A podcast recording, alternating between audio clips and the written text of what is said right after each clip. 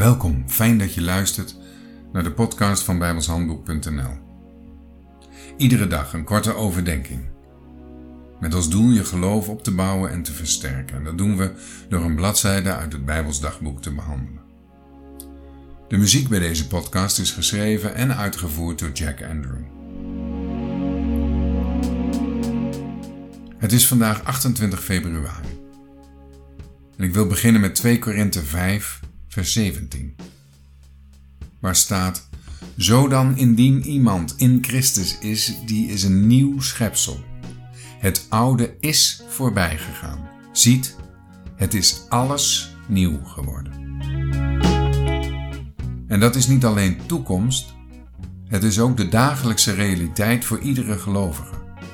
Er wacht ons een geweldige toekomst, een nieuwe hemel en een nieuwe aarde, waar alles wat tot de oude schepping behoorde is weggedaan. Maar ook de periode waarin we nu leven is heel bijzonder. Is een hele bijzondere tijd in de heilsgeschiedenis. We zijn namelijk de uitzondering op alle andere gelovigen die de nieuwe aarde verwachten.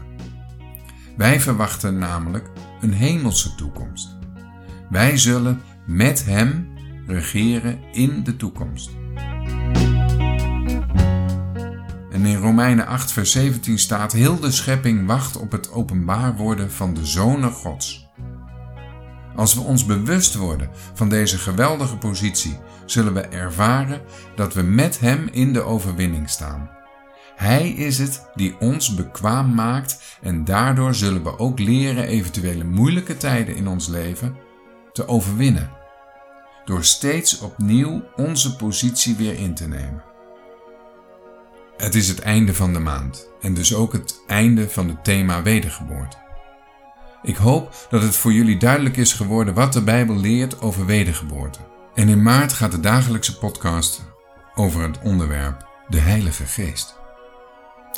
Hopelijk tot morgen.